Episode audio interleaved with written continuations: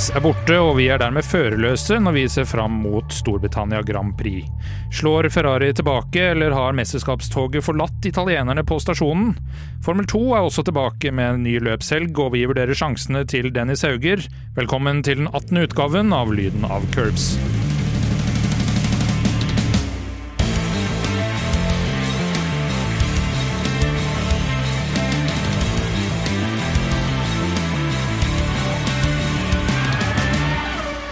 Hei, hei, og velkommen til Hjemme alene-fest i Lyden av Curbs. Det er jo ikke Theis du hører her. Det er meg, Herman, med Aston Martin-capsen min, som er programleder i dag. Theis er ikke her i det hele tatt, men det er du, Jon Wims Haffy Halvdan. Åssen går det? Ja, Det er en karakteristikk jeg ikke kan vedkjenne meg, men det går jo fint. Det er jo selvfølgelig tre litt ekstra nervøse karer i studio i dag, siden vår ledermann, programlederen, har valgt å flykte til utlandet. Men det er jo ikke bare du og jeg som er litt ekstra nervøse, Herman. Nei, det er ikke. Vi har med oss en vikar, men siden du kjenner han såpass godt, Jon Halvdan, kan ikke du presentere han på sånn 10-15 sekunder? 10-15 sekunder? Jo, det er den litt yngre Halvorsen, Andreas Halvorsen, min bror. Lettere både i vekt og litt faglig. Men hjertelig velkommen til studio skal du være. Ja, tusen takk skal dere ha. Er du spent, Andreas? Ja, veldig spent. Jeg spørs om jeg er helt forberedt på å kunne være med på det her, men jeg er klar. men hvordan blei du fan av det vi nå liker best? Motorlyd, pitstop og flagg i ulike farger? Nei, jeg er jo litt som dere enn det vært med på å se på Drive to Survive, da, ja, selvfølgelig. Ja, ja. Største fanbæreren sitter jo ja, her med sammen med oss. Ja, kan du matche oss opp mot meg, tror du, når det gjelder det her med å være fan av Drive to Survive? Nei, de mista meg litt. I hvert fall den siste sesongen her, så var jeg veldig skuffa over utfallet, eller hvordan de lagde produktet. Ja, skjønner. Men hvor, hvor tett følger du Formel 1? Ser du alle løp og kvalik og hele pakka, eller hva går det i? Jeg ser stort sett kvalifisering og ser løpa. Kanon. Og når vi nevnte flagg i ulike farger, så kom vi ikke unna å nevne det heslige terrorangrepet i Oslo, som, som ramma pride-bevegelsen hardt. Det tar selvfølgelig vi i Curbs sterk avstand fra, og vi ønsker selvfølgelig at alle skal kunne være hvem de vil og elske hvem de vil. Er det noe dere Tvedestrand-brødrene ønsker å tillegge her?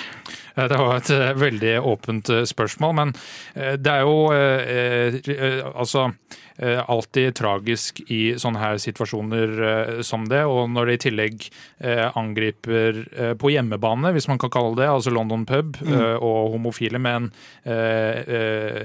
uttalt ønske om å ta livet av i utgangspunktet flest mulig, og litt ja, hva skal vi si, meninger som ingen kan dele. Så ekstra trist, og jeg syns det er bra de som har trossa mye av politiets mm. anbefalinger om å ikke stille opp. Litt seint kanskje å si at nei, nå kan dere ikke vise deres støtte. Nei, for handlinga er jo selvfølgelig heslig, men responsen til Oslo har jo faktisk vært på en måte fin, da. Så, så det har vært bra å se når det først blei som det blei. Og før vi beveger oss inn i det episoden skal handle om, som er helgas løp på Silverstone, så kommer vi heller ikke unna et lite oppgjør mot to rasismeskandaler. Først ut, F2-fører Juri Vips har rett og slett driti seg ut, Andreas. Hva, hva skjedde? Ja, han spilte Warzone med jeg husker Det var et par, en, hvert fall én til fra Red Bull Academy, tror jeg. Liam Ja, stemmer. Og der, jeg vet ikke om han blir tatt livet av, eller om han dreper noen selv, men han slenger ut et n-ord. Mm. Helt ut av kontekst. Ja, og, og det... nyheten ble sluppet nå for 20 minutter siden at han har nå fått kontrakten sin kansellert. Han har det, ja. Det er såpass. Ja, det, det, visste jeg faktisk ikke. Jeg sitter jo og forberedt meg. Men ja, det er jo Ja, det viser jo konsekvensene av, av um, avskyelige handlinger. Selv egentlig i noe såpass um, Hva skal jeg si um, u, Det er jo ikke veldig sånn jeg, jeg leiter etter et ord. Det er jo, ikke, Nei, det er, det er jo TV-spill, men allikevel så er det ikke forenlig med å ha sånne holdninger og et sånt vokabular, da. Nei, og som streamer eller ikke, så er du ønsker du å inn i F2 eller Formel 1-segmentet, da, så er du ambassadør for, for det første folk flest. altså Du er, folk, du er noen folk ser opp til. Mm. Og så er det jo selvfølgelig det litt mer sånn, hva skal jeg si, økonomiske delen av det. Du representerer sponsorer, laget ditt, og de vil ikke på noen som helst måte assosieres med det. Nå er ikke det en problemstilling som Nelson Piquet sliter med. Han er jo tre ganger verdensmester, 69 ni år, og jeg føler nok at han kan si litt hva han vil. Mm. Han er heller ikke fremmed for å bruke samme ord som Jury Vips, som også da Louis Hamilton reagert med rette på. Og Mercedes har tatt avstand fra uttalelsen hans, men ikke at det er Eh, enda vært sånn veldig stor eh, oppslutning sånn ellers i Formel 1-segmentet. Nei, for det er, jo, det er, jo, på en måte noe som holder på å blusse opp eh, egentlig nå mens vi sitter her og prater. Mm. Hvor da han Nelson Piquet omtalte Hamilton med, med samme ord som Juri Vips, som selvfølgelig heller ikke er greit. Men vi skal over på lystigere saker. Vi skal se mot Silverstone, og vi kan jo presisere da at selv om Theis ikke er her, så er ikke det pga. noen etiske skandaler. Men hvor han er, det skal vi få høre høre snart.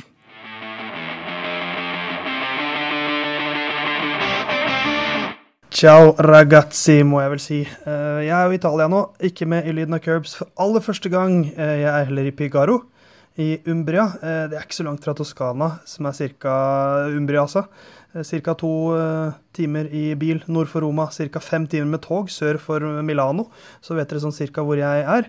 Eh, jeg er her fordi min eh, svigermor og stesvigerfar eh, har bryllup her. Så da ble det ikke noe lyden av curbs på meg denne gangen. Jeg er nok tilbake neste uke. Men jeg savner dere. Det er jo litt rart for meg å ikke være med. Litt samme følelse som når man har Hvis du har øvelseskjørt med barna dine, og så skal de ut og kjøre bil alene første gang alene, så, så føler du ikke at det er helt trygt. Men jeg, jeg håper det går greit. Nå har jeg jo vært verken barn eller bil. Men, men ca. sånn tipper jeg det føles. Så um, lykke til, gutta. Eh, Forza, ragazzi osv. Alt sånt man sier i eh, Italia. Jeg gleder meg veldig til å høre på uh, lyden av Curbs uten Theis for aller første gang. Ja, Jon Halvdan. Trebarnsfar Theis der med stasjonsvogn som, eh, som kom med, med, gode sammenligninger til hvordan det føles å sitte i Italia. Ja, det, det, var litt artig å høre på, men savner du den, eller? Eh, ja, altså foreløpig har det gått uh, greit. Uh, det, var, det, var, jo selvfølgelig et uh, ti sekunders øyeblikk her med ren panikk, men uh, det kommer vi oss også ut av. så altså, det skal bli greit å få den tilbake igjen, men vi må også takke Anders, da, som vi har med som tekniker i ja, studio. Helt perfekt. Han kan jo rope hei. Hallo! Ja, til og med lyd. Ja. Det er helt nydelig. Eh, men eh, siden vi var innom Theis, så bare sånn kjapt spørsmål til deg, Andreas. Hvordan beskriver du Theis som eh, online Formel 1-fører? For der har du jo møtt den mye. Ja, Virkelig ganske rolig og sindig, i hvert fall. Nå er jeg blitt med ganske seint i gamet der. da. Ja. Så han er jo kongen av vår gruppe med ja, Formel 1-førere. Og han han uh, har ego til å bære det. Ja, bære han, har, han, er en slags kontrast til meg, eh, ja. uh, det er jo ikke noe tvil om det. Uh, som verken har ego til å bære det eller, eller roa. Men vi skal videre til, til Silverstone, og det var jo i fjor at mesterskapet virkelig tok fyr.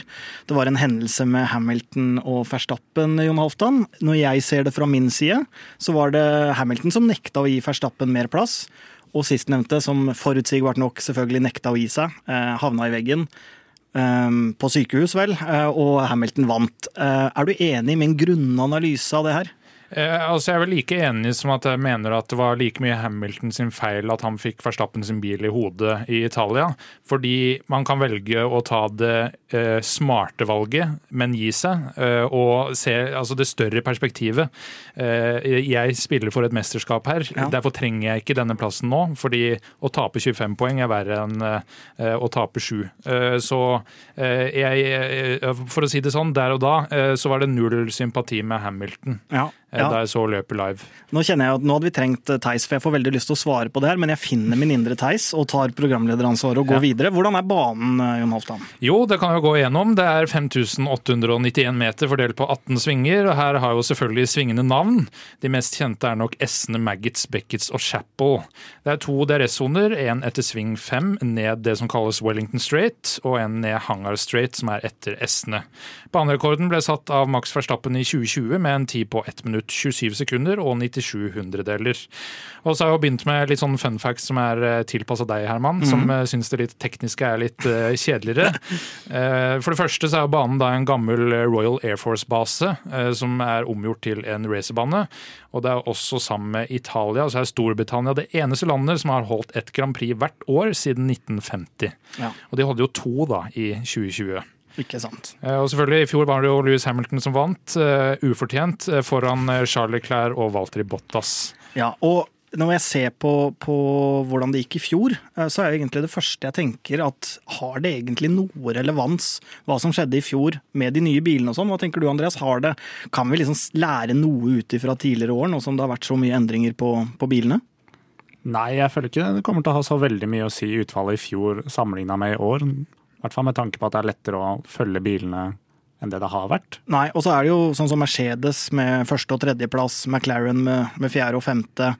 Um, det, er altså, det, er jo ikke Alfa Romeo litt langt nede her, ser jeg. Det er jo ikke, sånn, det er jo ikke gitt at det blir i nærheten av det samme i dag. Eller ikke i dag nødvendigvis, men i helga. Eh, nei, det hadde jo sett litt annerledes ut med alle fullførte også. For da hadde Max Verstappen vært der oppe på første- og andreplass, uh, sannsynligvis. Uh, nå er jo, Om man ikke kan nødvendigvis ta utgangspunkt i resultatet i fjor, så er jo banen i seg sjøl hvordan bilene fungerer på det. Og det er jo ground effect-biler, som jo kan fungere enda bedre, kanskje, i de her høyhastighetene hastighetssvingene uh, som uh, Silverstone er kjent for. Det er vel også noe sånt som 79 full gass gjennom en runde, så uh, det er jo en bane med relativt høyt tempo. Mm. Hvordan, hvordan, ser du banen, Andreas? Er det, er det, et løp du ser fram til når du ser det på kalenderen? Det er, jeg syns det er et veldig spennende løp, i hvert fall sammenligna med noen av de gatebanene vi har sett nå mm. nylig.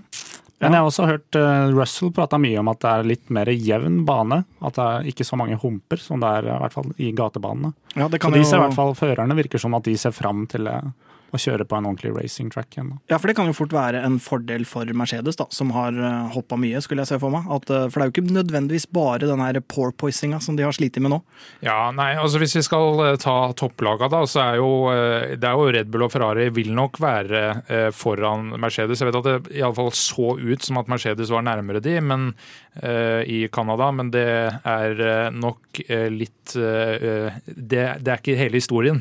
Men nå kommer de jo med en del oppgraderinger oppgraderinger til eh, Silverstone, så kan godt hende at eh, gapet er mindre. Og det er nok en bane som passer de mye bedre enn Canada eh, og de andre gatebanene. Også fordi det er ganske smooth bane. Men, smooth er den. Men, men, også fordi det er en som vil passe deres bil litt bedre. Ja, Ferrari eller Red Bull da, Andreas? Heller du noen vei? Vi kommer jo tilbake til tips om, om litt, men altså, ser du, en, ser du en favoritt her? Ja, jeg ser på Red Bull som favoritter denne helga, altså. Ja, begge bilene, eller er det Verstappen sin uh, førergenialitet som, som gjør det? Jeg spå tipsene mine til senere, men uh, jeg ser for meg begge Red Bullene. Ja, Du tror de blir sterke? Ja. Uh, jeg skjønner. Um, er det noen andre Altså, hva, hva, skal til, tror du, Jon Aftan, for at Mercedes skal kunne ta steget opp her? For de har jo litt mer race-pacen. Og så snakker vi egentlig bare om Ferrari og Red Bull i, i, hvert løp, men hva skal til for at de kan komme opp til, særlig i, på racepace? da. Kvalifisering ser jo vanskeligere ut. Nå har det jo vært eh, tre til fem tideler tregere per runde eh, løp til nå, så ideelt sett så er det å skru tida tilbake igjen til eh, i fjor sommer og begynne å dra bilen i en annen retning med den kunnskapen de har nå. Nå går selvfølgelig ikke det, så da er det Eh, altså, det kan godt hende at de gjør det greit her og er oppe og eh, iallfall gjør livet litt surt for dem. Jeg tror de vil være tydelig tredd best. Eh, så jeg tror jeg vel kanskje i utgangspunktet at Ferrari kommer til å fungere bedre her enn Red Bull.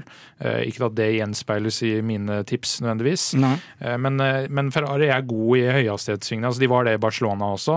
Nå var Red Bull sannsynligvis kunne være oppe og konkurrere med de, men eh, Og så er det jo rykte at det kommer noen oppgraderinger til Ferrari. Mercedes har varsla en svær oppgradering, og Red Bull er litt sånn usikkert uh, hvem som sier hva, men uh, Christian Horner har i hvert fall sagt at det blir kun noen små endringer. Ja, kan... han, han, er jo selvfølgelig kjent for å snakke utelukkende sant. Ja, hele tida. Men, men, kan betyr det at både med tanke på oppgraderinger og med tanke på banens form, da, at det her kan kanskje være en Ferrari-bane, eller tror du toget har gått? Vi har jo snakka litt om det tidligere. Ja, ja, altså Mesterskapstoget har gått, uh, punktum. Men, ja. men han, Fører og konstruktør, eller? Uh, ja, det tror jeg. Ja. Eh, men eh, når det gjelder eh, her sånn, så kan det godt hende at de er der oppe og kjemper. Iallfall kan godt hende at de gjør livet vanskelig for Red Bull og Ferrari også. Men jeg, jeg tror nok at de vil være tredd best, men dette vil være en av de banene hvor de kommer til å se mest komfortable ut i løpet av sesongen, tror jeg. Ja, skjønner.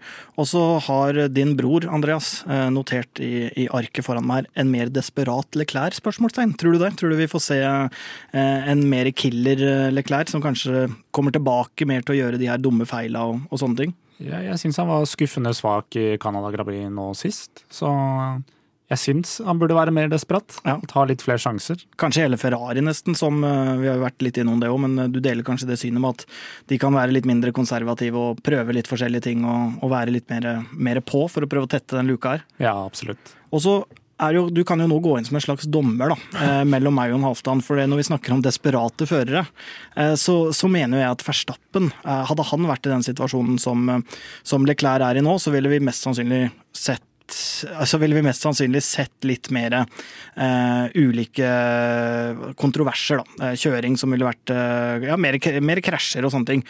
Uh, Deler du mitt syn at hvis Verstappen var bak her, så ville det vært mer kontroverser enn en med Leclerc nå?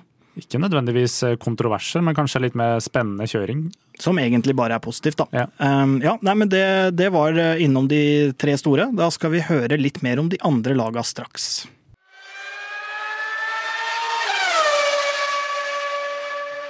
Ja, Aston Martin, Haas, Alfa Romeo, Alpin, Alfa Tauri, Williams og McLaren. Det er de Jeg- sju andre laga, det. Jeg kan navnet på de alle sammen, og det er veldig bra jobba. Men hvilke lag tror vi de kan gjøre det bra i helga som kommer, eh, Jon Halvdan? Har du like troa på Aston Martin nå som jeg hadde før Spania, da jeg kjøpte merch?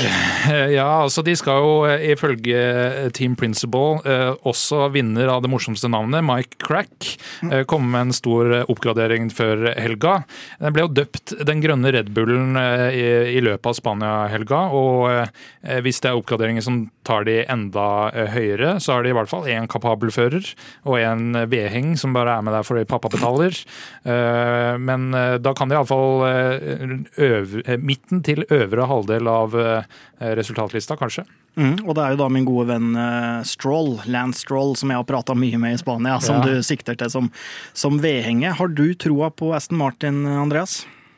Ikke spesielt stor tro på Lance Stroll, men Nei. eh, Sebastian Vettel har jo levert bedre og bedre, så jeg kan se for meg at han eh, havner på poeng. Ja, for han har jo faktisk imponert litt nå mot, eh, mot slutten, selv om kanskje litt fortsatt det litt trist sammenligna med den eh, gloriske skyggen han på en eller annen måte kjører i, eh, med fire ganger verdensmester og, og det her. Men han har jo imponert litt nå. Ja, Man må kunne skylde litt på verktøyet. At, eh, og også selvfølgelig Sebastian Vettel. Eh, han ble nok eh, Da han ble ordentlig utkjørt av Charlie Clair i Ferrari, og måten de ba Perlmann ut der, så tror jeg det kosta litt mentalt. Og lurte på om han skulle fortsette med det her. Og tiltro til seg sjøl er jo ikke nødvendigvis megastor eh, da, eh, men jeg syns han begynner å se bedre ut.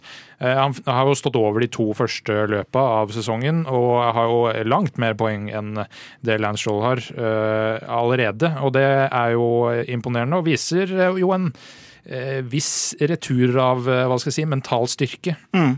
Men hvis jeg skulle utfordre nå da Sørlandets eh, svar på Olsen Brothers, eh, en slags Tvedestrand Brothers, på hvem er det som vil liksom være det fjerde beste laget i tida framover? Hvem er det som på en måte befester den tronen bak eh, Mercedes, da? Sånn sett, hvem Kan dere to som brødre bli enige om det?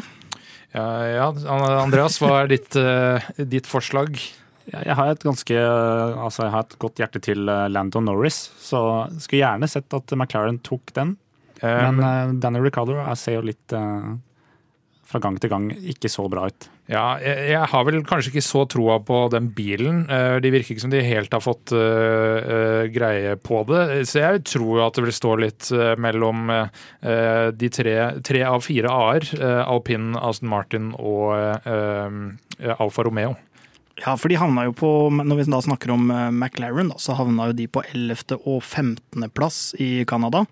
Med Ricardo over Norris, som kanskje er et lite svar på det. Eller jeg syns jo, når man ser i sosiale medier, det er jo en, eh, en mann etter min smak. Vi har jo vært gjennom eh, musikksmaken hans tidligere òg, så jeg følger jo han tett. Men jeg syns han tar alt ganske sporty, da. Altså, selvfølgelig handler det om, om at det er en fasade, men jeg syns jo ikke han virker helt sånn Han virker ikke sånn på utsida av bilen som han virker inni bilen, på en måte. Uh, Ja, du tenker på litt stakkarslig? Ja, som han egentlig. fremstår Ja, i bilen nå? Ja. Uh, nei, altså det er jo Han må jo bare uh, Altså enten må du krumme nakken og gjøre jobben, eller så må du slutte med det. Og foreløpig har han valgt det første. Eh, men eh, det er jo litt sånn eh, på nedadgående, man kan si det. Men det er jo ikke gitt at det er en bane som Altså Canada var en bane som passer McLaren veldig bra. Det, det gjorde den jo åpenbart ikke. Spesielt med manglende toppfart. Og så kan godt hende at Storbritannia at McLaren vil melde seg på litt der. og Spesielt Lando Norris har god kontroll på den bilen, så det er jo ikke usannsynlig at han iallfall skal være med å fighte om litt poeng, da. Nei, det kan jo absolutt skje. Og så nevnte du jo, det er jo egentlig eh, ja, trippel A, da. Det blir jo noe batteri over det hele. Men, men hvem av de vil du si at eh, kommer til å befeste den eh, fjerdeplassen hvis du måtte tippe? Per nå, eh, altså da utafor McLaren, da, som ikke starter ba, eh, så eh, jeg tror det er alpinen som kanskje er i førersetet akkurat nå. Mm. De har jo to gode førere. Det har jo, det har jo ikke Aston Martin og ikke Alfa Romeo. Selv om Alfa Romeo så begynner de å se litt jevnere ut. da, Shogun Yu og Men eh, Valtteri Bottas. du nevner de tre år, men du snakker ikke om Alfa Tauri. Du har ikke troa på Gasli med ny kontrakt eh, under bordet? Eh, nei, han fikk den vel over bordet. Han fikk den vel over Over bordet. bordet, men under beltet. Eh, nei, altså eh, han, han er jo den som har tatt skuffende få poeng eh, for Alfa Tauri. Nå har bilen virka ikke så rask. Yuki Sonoda hadde et øyeblikk hvor han så helt rook ut i Ja. Canada òg, men eh, jeg tror sånn totalt sett så er det eh, Ja, de, de må vise litt mer før jeg kommer til å si ja. Ja, ja den, den, eh, den ser jeg. Skulle du legge til noe, Andreas? Ja, men jeg kan være enig i at eh, alpin er det laget som ser best ut. Ja, ja da, har vi, da fikk jeg det svaret jeg ønska fra, Ja. fra Tvedestrand Brothers. Da. Ja, Du, du vil jo ha Aston Martin. Ja, selvfølgelig. Der er jo jeg inhabil. Eh, Jeg har jo egentlig ikke noe sånn voldsomme altså tilhørighet til de. Det har jeg jo ikke. Men jeg har en caps, Ja. og jeg har en skjorte, og jeg har en fascinasjon for Lauren Lawrence Stroll. Ja.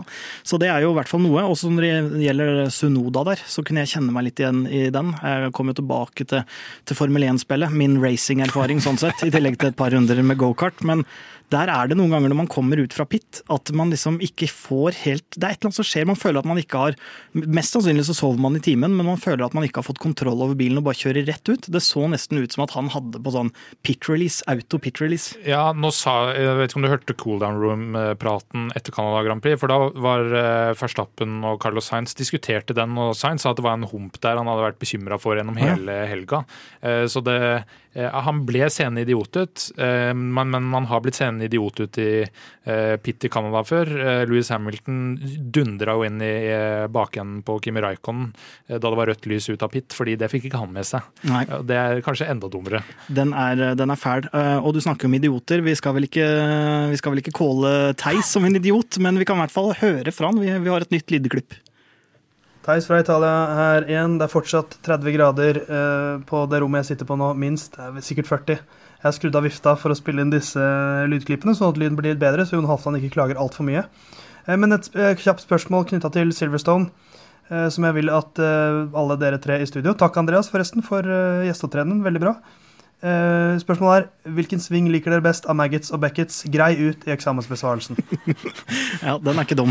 Det er nok i uh, hvert fall 40 grader i studio òg, Ja, så det er ikke bare i Italia du får det. Og så veit man det er en høflighet når han ikke har hørt produktet du leverer, Andreas. Uh, Ikke noe kritikk mot deg, men når han allerede nå le- kan, kan skryte av at du har levert godt, da veit man at eh, det, det er ikke så veldig mye man skal, skal stole på det for. Eh, Men eh, ja, har vi noe svar? Maggots og Beckets og hele pakka?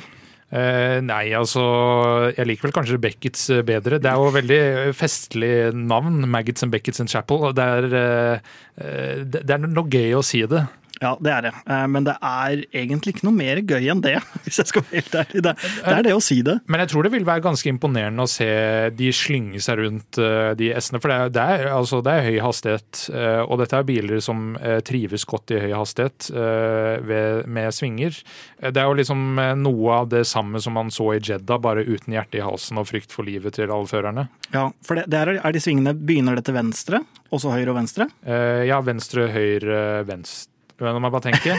Eh, det er venstre, høyre, venstre, høyre. Altså Ja. en slak høyre ut på Ja, eh, langstrekket. Ja, Det er pinlig hvis du tar feil her nå, da, for du er jo ekspertalibiet. Um, ja, har du noe forhold til de um, Det blir kanskje den uh, digitale spillinga på deg, Andreas, på, på det der? Ja, ja, men jeg vil gjerne ta en, eh, altså ta en skål for eh, Chapel, som aldri blir nevnt. Ja, Ja, den er ikke dum. Da, det er din favoritt? Ja, det, Nå er det min favoritt. Ja, jeg skjønner. Da går jeg for den som Jon Halvdan ikke nevnte, som jeg fortsatt ikke husker navnet på. Maggots. Maggots går jeg for. Jeg er jo en kontrast til deg. Um, men vi må jo ta noen andre lag òg. Uh, Has. Det er jo også en uh, favoritt av meg. Uh, plutselig så er, jeg, så er alle lag favoritter av meg. Du bare men liker alle så lenge de ikke er starter med, med Red. så lenge de er med i Drive to Survive. Ja. Eh, nå har jo eh, Has de kommer ikke med oppgradering. Altså De har jo sånn rart, vi har vi snakka om tidligere, det er litt sånn rare oppgraderingsprogrammet deres. Det skulle jo egentlig komme til Frankrike, Frankrike Grand Prix, ikke denne helga uansett, men nå er det også utsatt til Ungarn. Så eh, målstreken flytter seg lenger og lenger og lenger for eh, det litt stillestående Has. Eh, og eh, Gunther Steiner har vel sagt at eh, hvis eh, Mick Schumacher krasjer noe mer, så må vi begynne å ha en alvorlig prat. Ja. Eh, og det- kan jo da også eventuelt koste et eh, sete, fordi han koster de penger. Eh, så det viktigste for oss er kvalifiserer de godt, prøve å Altså, Magnussen jeg, jeg vet ikke helt hva han driver på med. Det samme da han starta i Spania. Han starta nå. Han har ingenting der oppe å drive og konkurrere. Han kom, det er ikke sånn at du kommer til å få fjerdeplass hvis du holder det her. Nei. Så bare drit i, og fullføre på sjuende og åttende. Ja, får poeng. Så litt kaldere kanskje danske tror jeg hadde eh, gjort Has godt. Ja, jeg kan jo kjenne meg veldig igjen i det, eh, igjen da, når vi spiller mot hverandre. Det, det kan kanskje du eh, skrive under på, Andreas. Vi hadde jo en veldig lite heldig situasjon eh, ja, når vi spilte on online mot hverandre sist. Ja, Det kunne jo vært en eh, slags Kevin Magnussen spesial, det der. Eller, eh, Ja, for- eller den Walter i Bottas under Ungarn eh, på glatt føre. Ja, Fortell det fra ditt ståsted hva som skjedde, for jeg vil jo selvfølgelig benekte det. da. Nei, jeg starter nå i startposisjon fem, tror jeg. Og så ser jeg at det skjer noe greier foran. Det er en som kjører i en annen, og så svinger det en bil over i venstre side, hvor Theis da ligger foran meg og bråbremser. Så feier jeg jo rett i han. Og kjører ut, da, selvfølgelig. På, Ja. I løpet av de første 50 meterne. Ja, Og da var det jeg som hadde trådd på bremsen rett foran som starta som det. Som, man var litt lei. Som man jo gjør når man starter. Ja. Og en siste ting vi må ta når det gjelder de andre laga.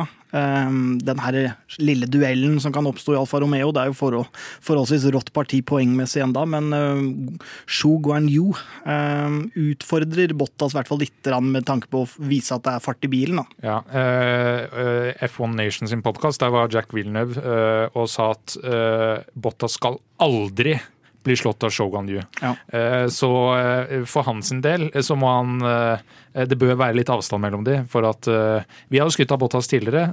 Hvis show begynner å Showet. ja, showet. Ja. på samme nivå, da må vi trekke skryten, dessverre. Ja, har du troa på at, at han kan komme seg over Bottas etter hvert? Shogun Yu, altså. Ja, Ikke sånn umiddelbart, men jeg har jo sett en forbedringskurve på Shogun Yu når han er ute og kjørt. Så Ja, ja det har jo det. det kan skje. Ja, jeg har jo, eh, hvis man eh, blar i min Twitter-historie, så tok jo jeg Det er ikke veldig mange løp siden. ja, det, det var, det, du fant fram øksa tidlig òg. Ja, så, så var det en som eh, ganske sånn Jeg syns jo halvidiotisk bare slakta Stroll fordi han er Stroll, og det er helt greit, men jeg mente at Fettel har jo egentlig ikke på daværende tidspunkt levert noe særlig bedre. Nei, han var jo tross alt syk i senga. så- Ja, men også sesongen før, da. Også, så- ja, så jeg tok jo Stroll i forsvar der. Ja, det er sikkert fordi jeg er Aston Martin-fan at jeg gjorde det. Men uh, ja, nå har vi sittet og spådd litt her, så nå kan vi jo da egentlig ta turen over til tippinga.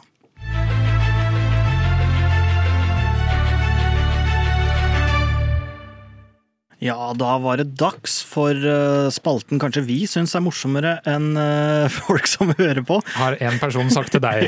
Og det tar selvfølgelig Herman veldig tett til sitt hjerte. Ja, tilbakemelding fra Pål Steen der, som jeg har tatt uh, til meg. Uh, på, en, på en veldig uh, bra måte, syns jeg. da. Altså, Jeg prøver å lytte til lytterne. Lytte skal vi også til Theis sine tips. Tippe, tippe, tippe. Jeg er fortsatt sist der, så jeg tipper at uh, jeg ligger sist også etter at uh, man har kjørt rundt omkring på Silverstone en del runder. Men jeg skal levere tippetips uansett. Uh, Topp tre kan jeg begynne med. Jeg tipper Max Verstappen vinner foran Charlie Clair. Ikke noe groundbreaking der. Men Så tipper jeg at tredjeplassen den er det Louis Hamilton som tar. Han blir den første som har 13 podieplasser på én og samme bane, med da sin 13. podieplassering på Silverstone. Så Max, Charles og Louis. Så videre til ukens sjuking, da. Jeg er i Italia, så jeg tenkte at jeg kan, jeg kan jo flåse det til og si sånn at en pizza blir avbildet i løpet av løpshelgen på et eller annet vis. Eller at noe ragu i første sving skaper en eller annen krasj. Eller at Ferrari har med et nytt gulv eh, som er laget av eh, ukokte lasagneplater, eller lasagneplater, som du ville sagt, eh, Herman. Men jeg skal ikke flåse det så mye til. Men jeg prøver meg på en italiensk vri likevel, som er på at alle de italienskdrevne bilene fullfører blant de 16 beste. Så altså at alle Alfa Romeo, Has eller, og Scuderia Ferrari-bilene kommer seg inn på topp 16. Og at ingen Ferrari-motorer konker ut i løpet av av, av, løps, av, løpet på søndag, eh, og at alle de eh, seks bilene da fullfører. Så hvis det ikke er godt nok, eh, så får dere vri det til litt. Men altså, alle de italienskdrevne bilene fullfører blant de 16 beste. Det er ukens sjuking her fra Italia. Ja, Hva er førsteinntrykket av den? Andreas, du har jo hørt oss sitte her og spå inn og spå ut. Hva er førsteinntrykket? Er det, tenker du at det er noe vi kommer til å godkjenne? Ukas sjuking, altså? Ja, det var altså, litt lite Altså litt eh, lav plassering på nummer 16 med ja. alle seks, syns jeg faktisk. Ja, Jan Hoftan. Ja, nå er jo i utgangspunktet uh, Alfa Romeo, hvis det var det som var det tredje italienske lag, uh, ja, sveitsisk. Ja. Uh, men uh, hvis vi tar at Alfa Romeo er en italiensk bil det er, det er vel det han sikter til at de er drevet av Ferrari-motoren, da. Ja, så det er jo litt veikt, syns jeg. Jeg syns vi må opp på topp 14. Altså jeg er jo, jeg tenker i utgangspunktet at han ligger så langt bak at alt er greit. Og hvis jeg godkjenner, så er det jo greit. Ja, ja. Men han, har, eh, han er ikke her. Eh, og jeg er jo plutselig programleder. Ja. Eh, maktsjuk har jeg alltid vært. Så jeg er enig, vi, vi tar den opp på nummer 14, at han må innen topp 14. Vet ikke om det er uh, saklig, eller om det er i det hele tatt noe. Nei. Men jeg kjenner på den makta og har lyst til å gjøre det. Kan jo ta sammenlagsstillinga, da. Fordi du leder med 46 poeng. Ja. Og så ligger jeg bak deg med to poeng på 44. Og så ligger, er det 14 poeng etter Theis på 30. Ja. Eh, Men, så ja. Men vi er litt uh, kjipe, er vi ikke det? Jo. Ja, Da er det topp 14-bane. Det er bare for å kjenne på makta for min del. Ja. Han kunne godt fått, uh, fått topp 16. Uh, men vi tar vår topp tre. du begynner, Jon Aftan. Skal jeg begynne? Det er jo da ikke overraskende Max Verstappen, Charlie Clair og George Russell. Det er kanskje litt overraskende. Jeg burde kanskje ikke innleda med det. Kom litt overraskende på meg òg, men jeg tror Mercedesen gjør det greit. Og så går jeg for en klassisk halvgardering her. Uh, ukens sjuking, Mercedes 1-2-seier. Oi, ja, den er ikke dum. Uh, og du bare blåser ukas sjuking først som sist òg? Uh, ja, det er jo litt den nye varianten vi la oss på forrige sending, så jeg ja. bare fortsatte med det. Ja, Greit. Um, da den andre fra Tvedestrand i, i, rommet. Hva er din spådom? Ja, jeg skal ikke foregripe ukens sjuking helt ennå, men Nei. jeg har Hamilton P1. Ja. Okay. Med Max på andre og Perez på tredje. Oi, den er ikke dum. Så jeg har jo tenkt at Ferrari kommer til å gjøre det litt dårlig nok en gang. Kanskje ja. noen problemer med motoren. Eller... Men Hamilton på første, ja. ja. Jeg har trua på Mercedes sine oppgraderinger for første gang denne sesongen. her. Ja, Da kan jeg bare blåse min først og sist. Uh, Hamilton 1, Leclerc 2, Verstappen 3. Så ja, vi tenker jo ganske likt. Men før vi tar våre ukas sjuking, uh, godkjenner vi Jon Halvdan sin? Uh, for det glemte jeg å gå gjennom. Altså, Mercedes 1-2, jeg tenker at den må godkjennes. Altså. Ja, det er megastrengt hvis ikke. Ja, men du er, er tett på meg, da. Del, ja, og din ukas sjuking, Andreas? Ja, Det er Hamilton med maktdemonstrasjon. P1 i kvalifisering og leder hele løpet. Og fastest lap, da. Ja. Kan ta med den. Ok. Ja. Det... jeg bare tenker sånn, siden du sa makt ja. ja, jeg er med på den. Leder alle runder. Det betyr at eh, under pit så må han fortsatt lede. Ja, ja. ja. Ok. Greit. Ja. Det, det, Nei, det, det syns jeg ikke han må. Leder du alle rundene, så leder du alle rundene. Leder hele løpet, har jeg. Ja. Ok, ja. Ja, nei, det, jeg ser ikke helt hvordan det skal gå til, men da tar vi min. da. Så min som sikkert blir slakta. Um, og da tar jeg en kunstpause et sted hvor Jon Halvdan kan reagere. Eh, kunstpausa kommer eh, ganske snart. Ricardo slår lagkamerat Norris. Kunstpause. Perez og Sainz. Ja. Ricardo slår Norris, Perez og Sainz. Ja, ok. Ja, den skal du få. Ja, Den er ikke så dum. Nei, nei, nei, absolutt ikke. Nei, jeg, det, jeg ser ikke det som veldig sannsynlig, men eh, hadde du godkjent den, Andreas? Ja, jeg godkjenner den. Ja, kanon. Ja, Da noterer hun Halvdan det, og så kan vi gå videre til litt Formel 2.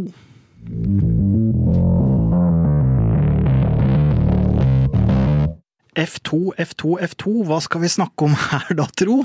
Vi begynner med Dennis Haugero. Det, har du mer trua, Andreas, på den norske F2-føreren enn på meg som lyriker?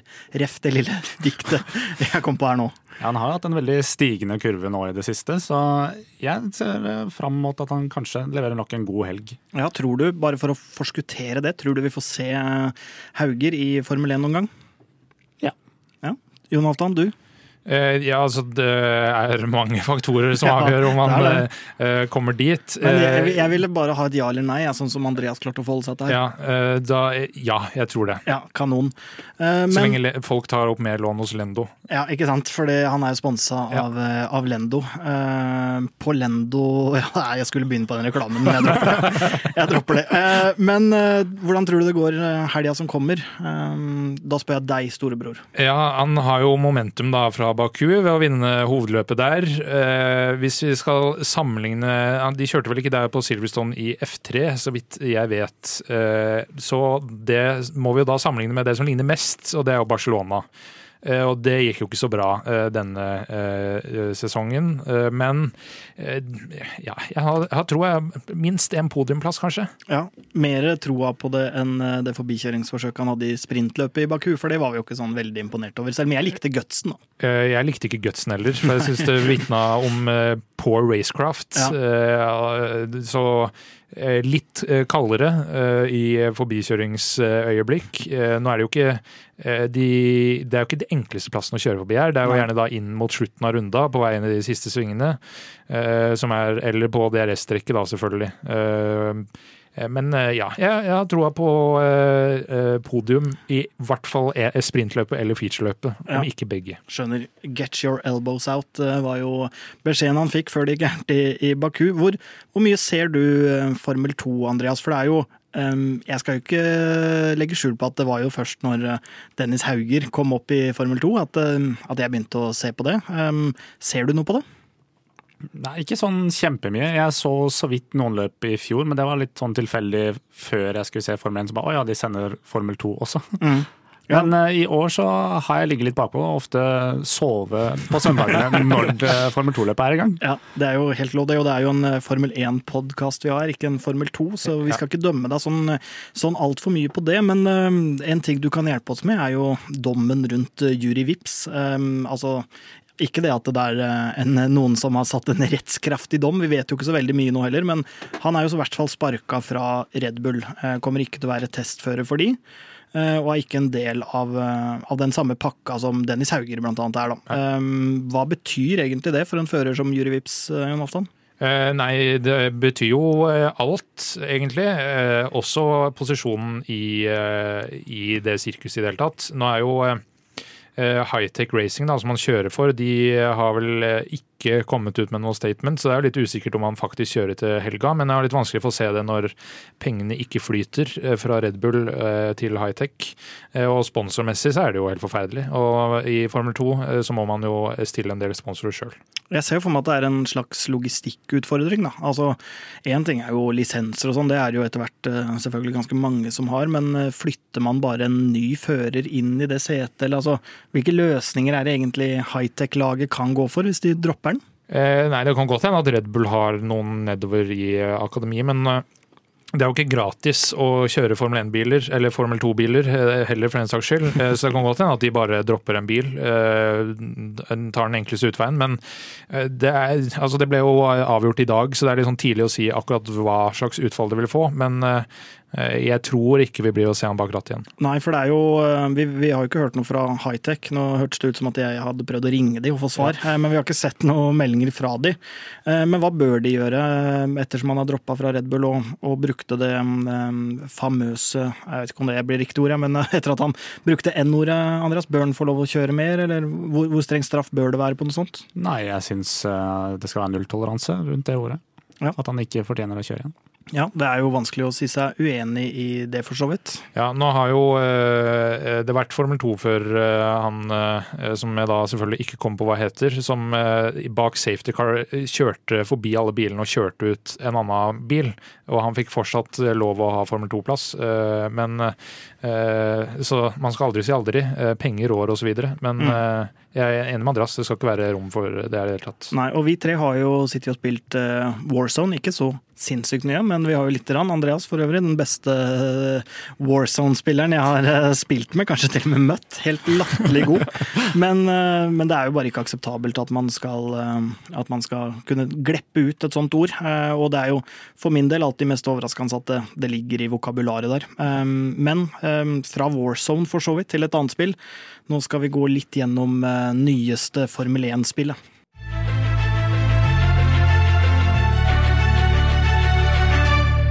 Ja, jeg har ikke noe rim når det kommer til, til Formel 1-spillet, men det er jo noe vi alle sammen har gjort uh, mye. Sammen, hver for oss, hele pakka.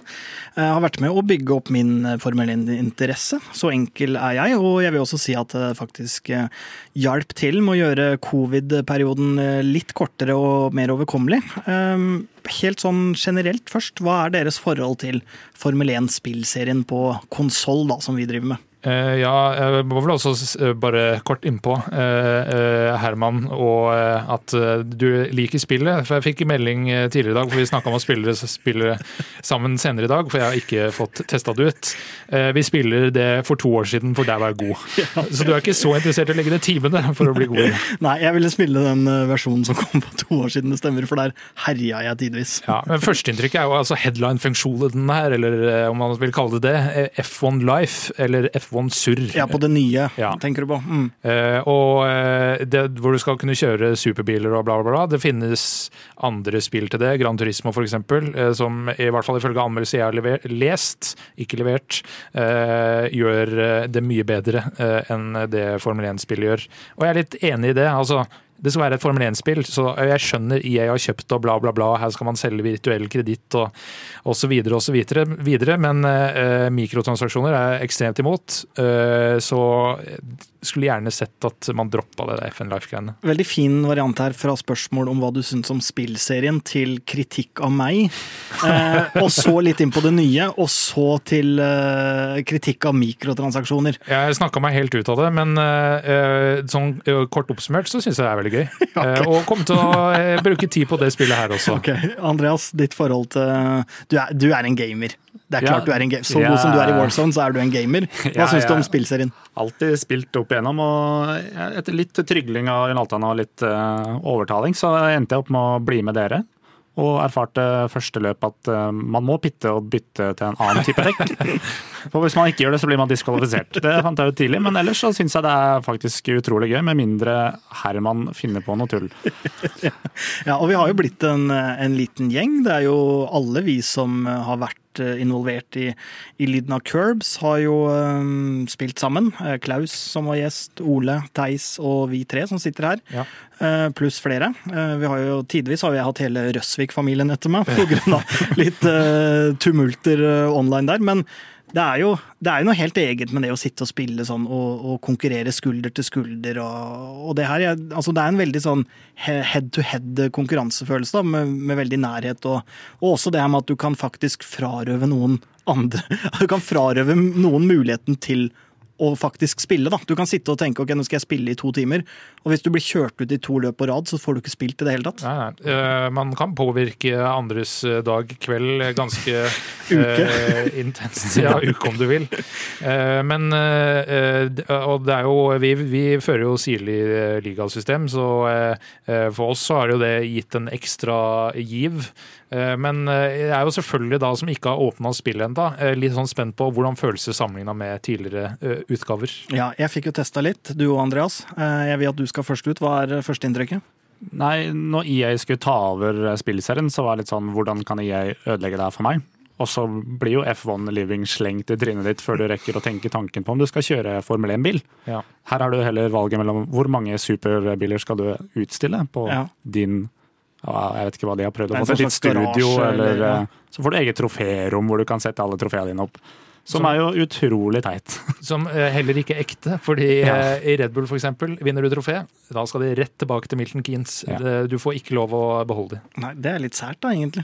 Ja, Altså, jeg skjønner jo, de fleste lag har det sånn. Jeg skjønner jo det, men uh, kunne jo i hvert fall holdt litt på den. Uh, det kan hende de har noen uh, særavtaler der, da. Men, men ja, bortsett fra det her med hva skal jeg si, det interfacet, eller det de har lagt til, hvordan er, hvordan er selve spillopplevelsen? Nei, det føles ganske likt som det forrige. Det er fortsatt veldig lett å spinne ut på vei ut av svinger. Og, men ellers så føles det altså Bilene ser annerledes ut, og det er litt kanskje mer raffinert, men eh, Mm. det Ja, jeg- jeg- føles likt. Jeg syns jo at selve grafikken så litt bedre ut. Ja. Eh, nå er det jo kanskje lagd i større grad for PlayStation 5, som jeg var ekstremt tidlig ute med å få tak i i Norge. Kunne solgt for 15 000, lot det være. Faktisk. Men, eh, det, så det ser litt bedre ut. Jeg syns faktisk lyden virka litt bedre òg, men det er vel sikkert eh, en nerd som eh, Jon Halvdan, altså i positiv forstand ja. for all del, når det kommer til Formel 1, kunnskapsrik.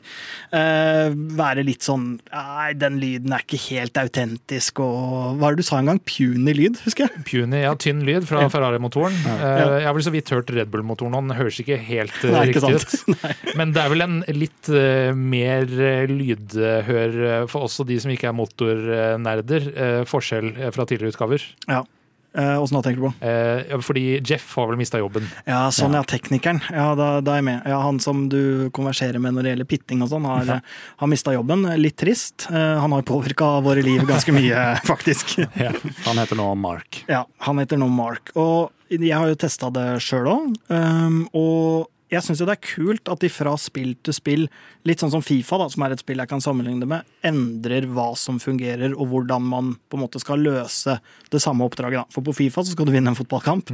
På Formel 1 så skal du kjøre så fort du kan, helst fortere enn andre, og klare å kjøre forbi. Med en gang de endrer litt hvordan det er balanse i f.eks. en sving, om man sklir ut, hvordan vekta på en måte er fordelt, um, hvordan de ulike setup-funksjonene påvirker bilen og sånn, det syns jeg jo er veldig bra, da. For det gjør jo at ikke det bare er liksom uh, en slags plug and play. Så det er jo, det er jo med å gjøre at jeg føler at det er så nærme Formel 1-kjøring man faktisk kommer, da. Så jeg syns det er positivt, det de har gjort nå òg. Ja, eh, men eh, så vidt eh, jeg forsto, eller som jeg ikke var klar over, på det gamle spillet så hadde du jo frontvinge bakvinge 1 til 11. eh, Og det var banespesifikt, så 1 på Monaco var ikke det samme som 1 på Monza.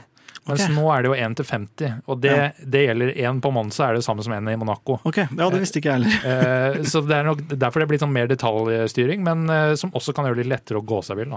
Ja, ehm, det, det er helt klart. Og så har jeg eh, et, et nytt sånn Jon Halvdan-punkt under det her med aktualiteter.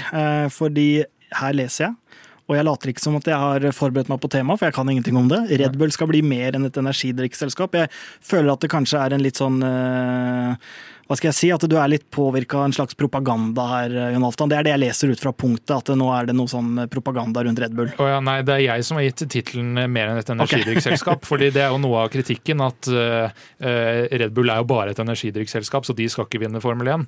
Uh, men de har i dag annonsert eh, ny hyperbil uh, til eh, den nette sum av 5 millioner pund. Eh, RB17, eh, og det vil kun bli laget 50. Du kan ikke kjøre den på veien. Det er kun bane. Eh, og det er da selvfølgelig Adrian Newey som har designa bilen. Red Bull liker jo å gi han litt sånne ekstra prosjekter. Eh, men nå kan jeg i hvert fall si vi er ikke bare et energidrikkselskap, vi er også en bilprodusent. Ikke sant? Og det gir jo kanskje litt mer sånn patos, da, i hvert fall, i dagligtalen. Men, men det er jo en annen aktualitet også, som, som vi kan nevne. Det her med reglene som skulle annonseres rundt ny motor for 2026, eh, det er utsatt. Toto Wolff, ikke så fornøyd med det? Eh, ja, han syntes det var greit at det var utsatt, så vidt eh, eh, jeg skjønte. Men han, eh, tidligere i uka så etterlyste han at dette må jo få klarhet i. Eh, de som derimot eh, sannsynligvis er mindre fornøyd med det, er Audi og Porsche. Fordi eh, de, skal, de er veldig Altså det er bare en checkmark unna å bekrefte sin inntreden i Formel 1. Eh, og det må de jo nå utsette i hvert fall noen uker.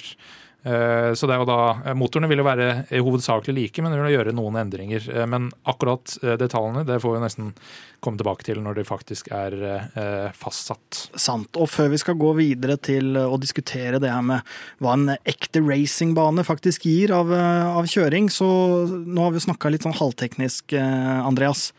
Det pleier å være et punkt hvor jeg melder meg ut av. Det gjorde du litt nå òg. Har du noe å legge til? Nei, absolutt ingenting. Nei, det, det kan jeg kjenne meg veldig godt igjen i. Da tar vi en uh, liten pause, og så kommer vi tilbake til uh, racingbane versus gatebane.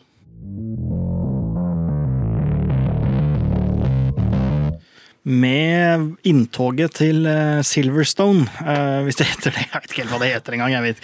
Akkurat her, jeg har forberedt meg litt i dag. Sirkusets inntog ja, til Silverstone. Men jeg har forberedt meg litt i dag til podkasten fordi jeg skulle være en slags programleder. Men her har jeg kommet til kort. Så der hadde jeg ikke noe god intro, i motsetning til det lyriske kunstverket som tidligere. Men Formel 1-sirkuset er tilbake på en, en ekte racingbane. Dette er jo til og med proper racetrack ja. med navn på svingene osv.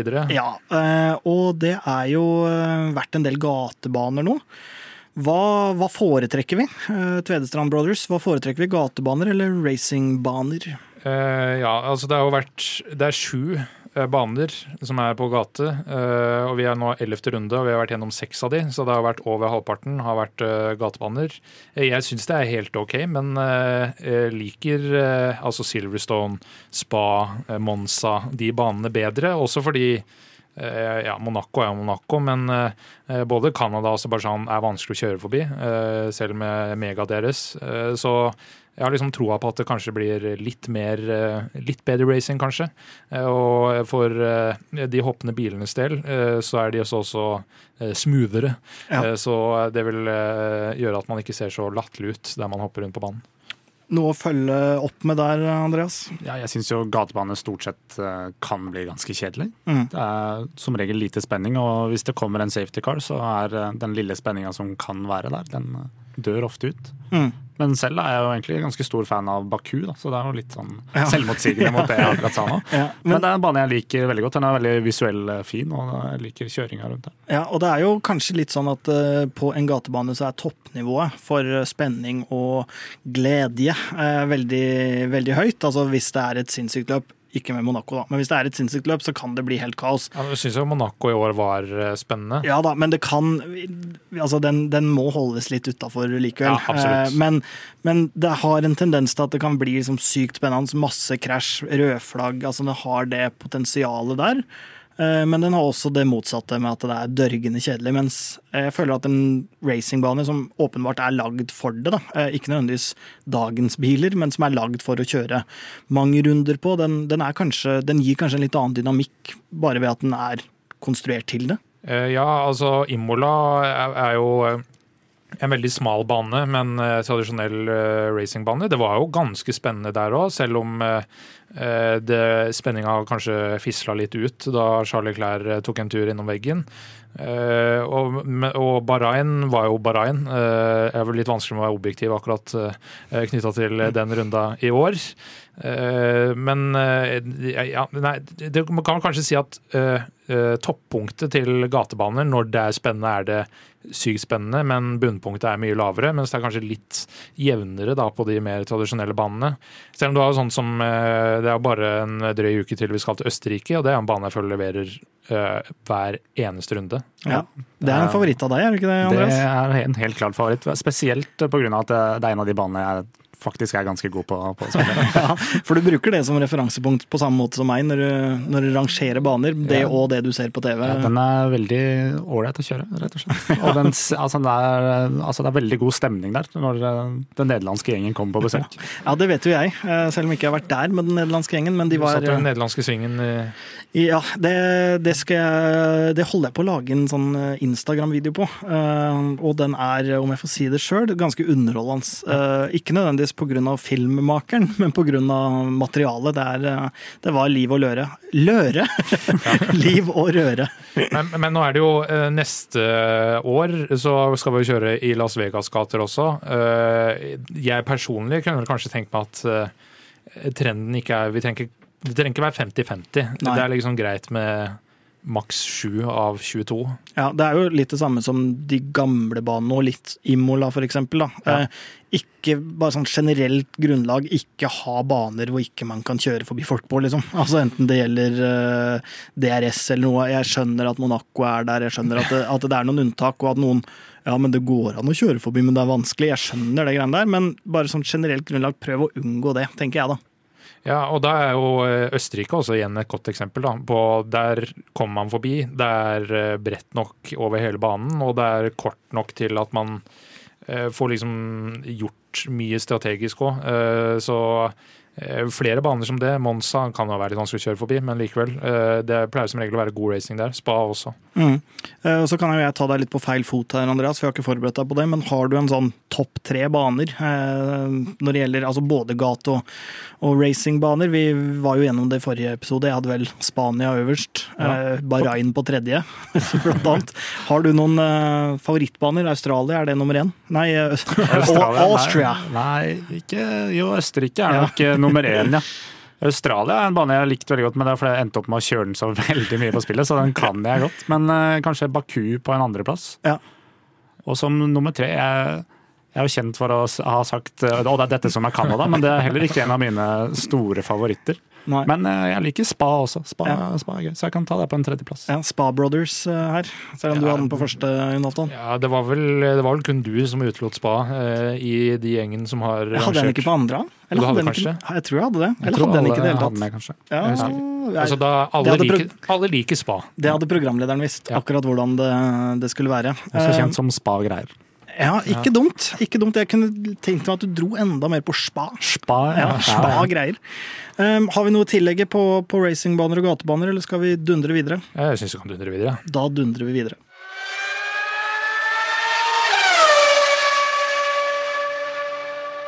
Ja, i eh, podkasten her så har vi jo kjørt en liten runde på hvem vi kunne vært. Ja, vi skal jo fylle et Lyden av Curbs Formel 1-lag. Ja. Da må vi jo eh, eh, putte folk i posisjoner. Ja, og det er vel Er det ikke sånn nesten opp mot flere hundre ansatte i en del av de laga? Så, 1200-1500. Ja, så vi skal holde på en stund og ha en del gjester før vi har fulgt, fulgt det, faktisk fylt det. men for å ta runda da, Andreas, før du skal presentere hvem du er. Theis er emotional coach. Angela Cullen, altså hun som flyr rundt med Louis Hamilton til enhver tid og sørger for at ting går bra. Jon Holtan, du er race engineer. Hvorfor er du det? Eh, jo, fordi jeg mener at jeg kan eh, godt bidra til å holde folk rolig i løpet av eh, løp. Eh, si ja, nei, nå, eh, nei, nei, nei, to tider for raskt. Eh, kjør. Ro deg ned nå. Ja, jeg vet ikke om jeg ville begynt med den der nesten lille rappen du starta her med, med nynnerapp, ja. Men jeg er da en fyr som løfter dekk. Hvorfor? Det er fordi jeg er rask. Det, altså bitte bitte litt sterk. Det er fordi du har skjør selvtillit, Herman, at du valgte det. Nei, jeg er rask, bitte litt sterk, men over ekstremt korte perioder. Um, så jeg tror det vil passe meg bra. Klaus, som var vikar, han er en som ringer opp til racekontroll og klager. Uh, litt i lys av hvordan det var på, på Abu Dhabi i fjor, med, med, en del kommunikasjon fram og tilbake. Og min gode venn Ole Røsvik jobber med strategi på løpsdag. Og så har du lagt inn i Halvdan at han også jobber med utvikling utvikling av bil ellers, eh, og da fortrinnsvis frontvinge. Ja, nei, det var fordi Da vi hadde den eh, diskusjonen her, så var Ole han hadde ikke klart å bestemme seg for hva han eh, skulle være. Så da skulle lage en oversikt over de rollene. fordi når det er 1500, så kan vi ikke huske alle. Nei. Så ble det liksom Han klarte ikke helt bestemme seg her. Han tok ikke et valg, Nei. så da tok jeg et valg for han. Ja, Og Andreas, nå skal du ta ditt valg. Det blei litt sånn alvorlig her, men det er et veldig alvorlig tema for oss. Ja, det er et viktig premiss, da. Eh, førerne, de, det kan du ikke være. Nei, Det er jeg fullt klar over. Og jeg kan ikke huske at Theis hadde gått for å være en slags Angela Cullen. Så. Men jeg ser på meg selv mer som en Carlos Onoro, også kjent som manageren eller eh, assistenten til Carlos Sainz. Han søskenbarnet som, søskenbarnet, som er et slags familiemedlem som alltid står der og er, verken, er litt sint og ja. under løpet, men er sånn generelt god støtte. Ja, ja, og holder ham fint ned på jorda. Men samtidig, hva skiller deg og Theis fra hverandre i deres rolle? Altså, du er, du er, kanskje mindre sånn du er ikke nødvendigvis med på hver løpetur og masserer og, og holder på sånn? Nei, og står ikke og holder sparkesykkelen til Louis Hamilton mens han driver og løper opp og ned trapper for å snakke med Fia. Eller har Roscoe i bagen. Ja. Så litt mer bakpå, kanskje litt mer på bakrommet framfor fram i kamera hele tida, sånn som Angela Cullen er. Ja. Ja. Men, og for andre kontrakter òg? Ja, absolutt. Hvor, hvor god er du på det? Ja, den, eh, den har, Jeg har ikke øvd så mye på akkurat det, men altså Men hva er Carlos Sainz verdt nå? Er han på oppadgående eller nedadgående? Ja, hvis, hvis vi rangerer... Jeg vil holde meg en slags flat linje. Jeg tror ikke vi skal i kontraktforhandlinger akkurat akkurat i nåværende øyeblikk, så det er godt han har kontrakt. Ja, du- Jeg husker ikke hvor lenge, men det er i hvert fall ut neste sesong. Ja, to, Eh, vel? Ja. To til. Ja, Du gjorde i så fall en god jobb da med timinga her med å få bindt den til Ferrari. For han, han må jo faktisk ha hatt en ganske bra agent da, som har klart å skaffe seg et sete hele tida, selv om han har vært skvisa litt rundt her og der og på en eller annen måte plutselig er nå i en av de beste bilene. Ja, ja, altså hvis vi skal spore litt av, da, så er det jo litt komisk at uh, han ble pælma ut til fordel for Ricardo i, uh, i Renault, uh, og eh, ble henta inn til Ferrari. Og så var det Ricardo som fikk smulen igjen i McLaren. Ja, det, ja, det er eh, litt artig det. Så bra jobba, Andreas, Ja, eh, men på det. hvis eh, jeg ikke får være det siden Theis også er en personlig assistent, så kan jeg se for meg jekke opp bilen. Ikke foran, for det, det ser for farlig Ja. ut, men bak. Og han som kommer inn bak der, ja. Men han første, eller han som står bak som backup? Nei, han første. Ja. Ja, du skal ha en rolle, Ja, jeg skal ha en rolle. Ja, jeg synes, jeg synes, den er ikke dum, den heller, altså. Det er den ikke. Men, så, så du skal være manager ellers på andre kontrakter, og så på løpsdag skal du jekke opp bilen? Nei, jeg tenkte hvis den ikke blir godkjent, da. Nei, den er, er godkjent, men. Ja, okay, er men jeg liker den todelte. Ja, ja. Litt sånn som Jon Halvdan har begynt. Og kanskje, Ja, kanskje rett og slett alle vi skal ha en ulik rolle på løpsdag og sånn generelt. At det er noe vi må se på i løpet av sommeren, Ja, om vi legger til noe. Ja, vi må fordele litt mer eh, roller. Det er jo tross alt 1500 posisjoner vi skal fylle, så det er jo litt eh, Vi må kanskje ha noen doble roller. Ja, jeg tror det. Eh, Men før vi avslutter, eh, Jon Halvdan. Sendetider. Eh, Hvordan ser helga ut? Helga? Uh, nei, jeg har ingen planer. Uh, Du skal i hvert fall ikke se løp med meg, for det gidder du aldri. Uh, nei, det stemmer. Klokka to på fredag eh, 14.00 så starter første trening. Kvalifisering er jo da selvfølgelig på lørdag klokka fire 16.00. Og samme tidspunkt på søndag er løps... Hva skal jeg si? Da slukker de fem lysene, og alle disse bilene kjører av gårde. Ja, supert. Eh, Og da eh, har dere noen siste ord før vi, før vi takker av? Ja, jeg ser i hvert fall veldig fram til det, for da tar jeg tre uker ferie. Ikke dumt. Jonathan, noen siste ord? Ja, jeg har jo en uke og vel så det igjen, eh, så jeg ser vel mest fram til eh, å endelig skulle få teste ut FN22. eh, Og eh, endelig kunne være godt av hengslene og kunne gi Herman en vanskelig kveld. Høres bra ut. Da sier jeg takk for oss.